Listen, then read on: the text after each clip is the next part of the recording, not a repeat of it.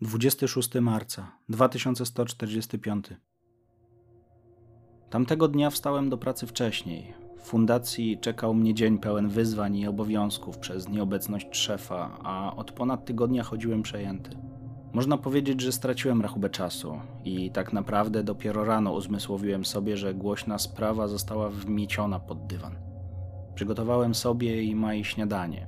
Wafle z klonowanego ryżu i wzbogacone warzywa – Niby niewiele, ale były dość sycące. Po szybkim prysznicu ubraliśmy się i zeszliśmy na dół do salonu. Włączyłem Etiuna z nadzieją usłyszenia informacji o rozprawie, ale się zawiodłem. Decyzja o winie miała zapaść późnym wieczorem 26 marca, ale tak jak już napisałem, głucho wszędzie. Nieoczekiwanie do naszych drzwi ktoś zapukał. Razem z Mają staliśmy się podejrzliwsi, a twoja matka była chyba bardziej przezorna niż ja kuchni trzymałem naładowaną strzelbę na wypadek jednego ze scenariuszy. Maja od razu wiedziała, co robić.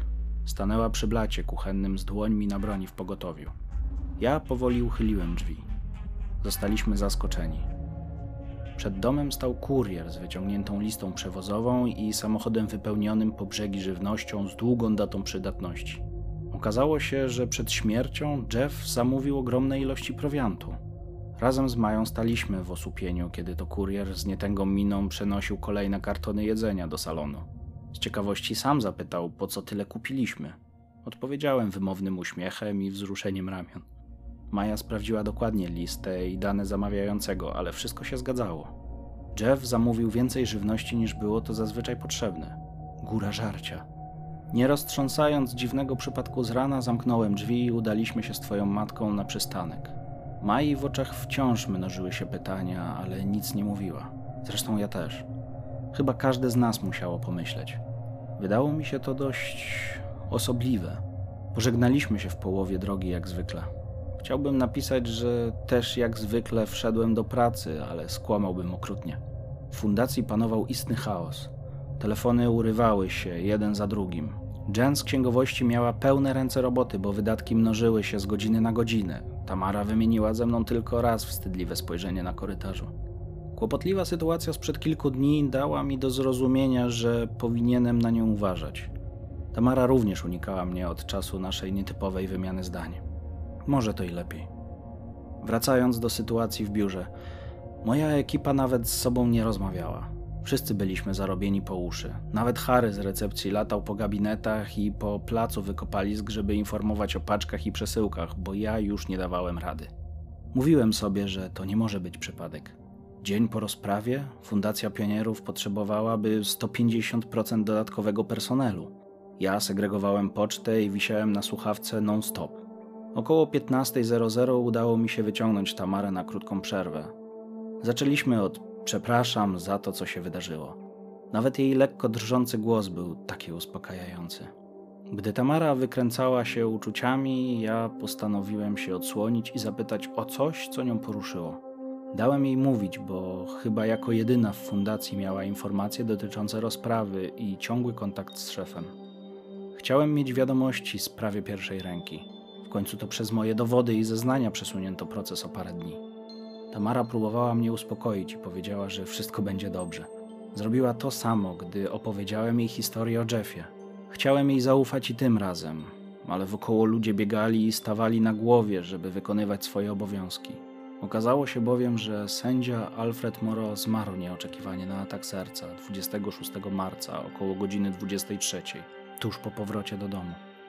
Nie chciałem uwierzyć w wypadek, gdy za śmiercią mojego przyjaciela stała korporacja o niebotycznych kontaktach. Podczas procesu na jaw wyszło wiele obciążających dowodów przeciw CTC, NMI i współpracowników, a co za tym idzie naszej armii. Nie wiem, jakie stanowisko zajął mój szef, ale wiedziałem, że coś strasznego się szykuje.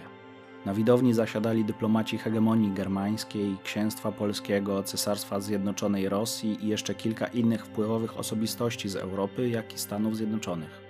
Moje zeznania oraz materiał dowodowy w postaci zdjęć i analiz pocisków został upubliczniony, lecz nie do sieci Etune. Domyślam się, że musiała wtedy istnieć jeszcze jakaś inna sieć o o wiele bardziej utajnionej specyfikacji.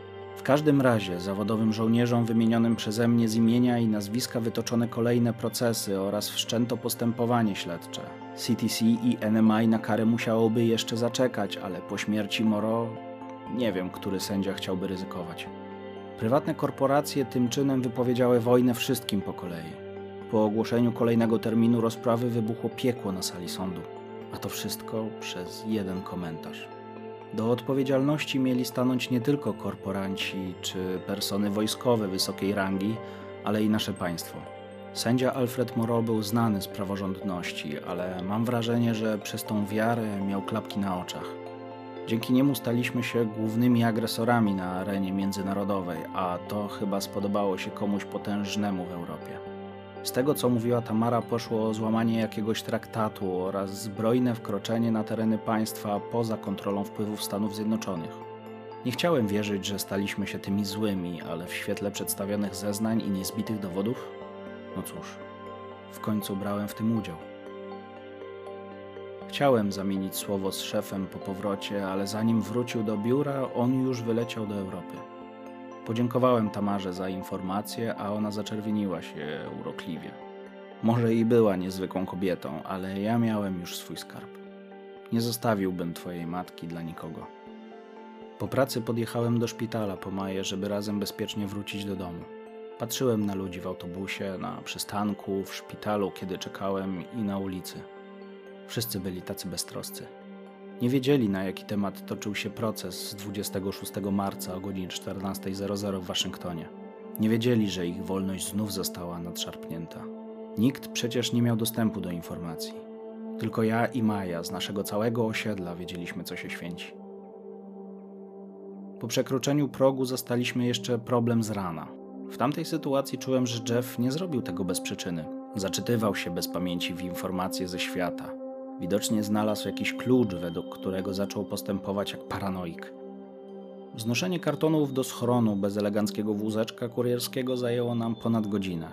Piwnica pod kuchnią została wypełniona opakowaniami suchego prowiantu, filtrami powietrza, puszkami z żywnością i kilkoma dziwnymi urządzeniami.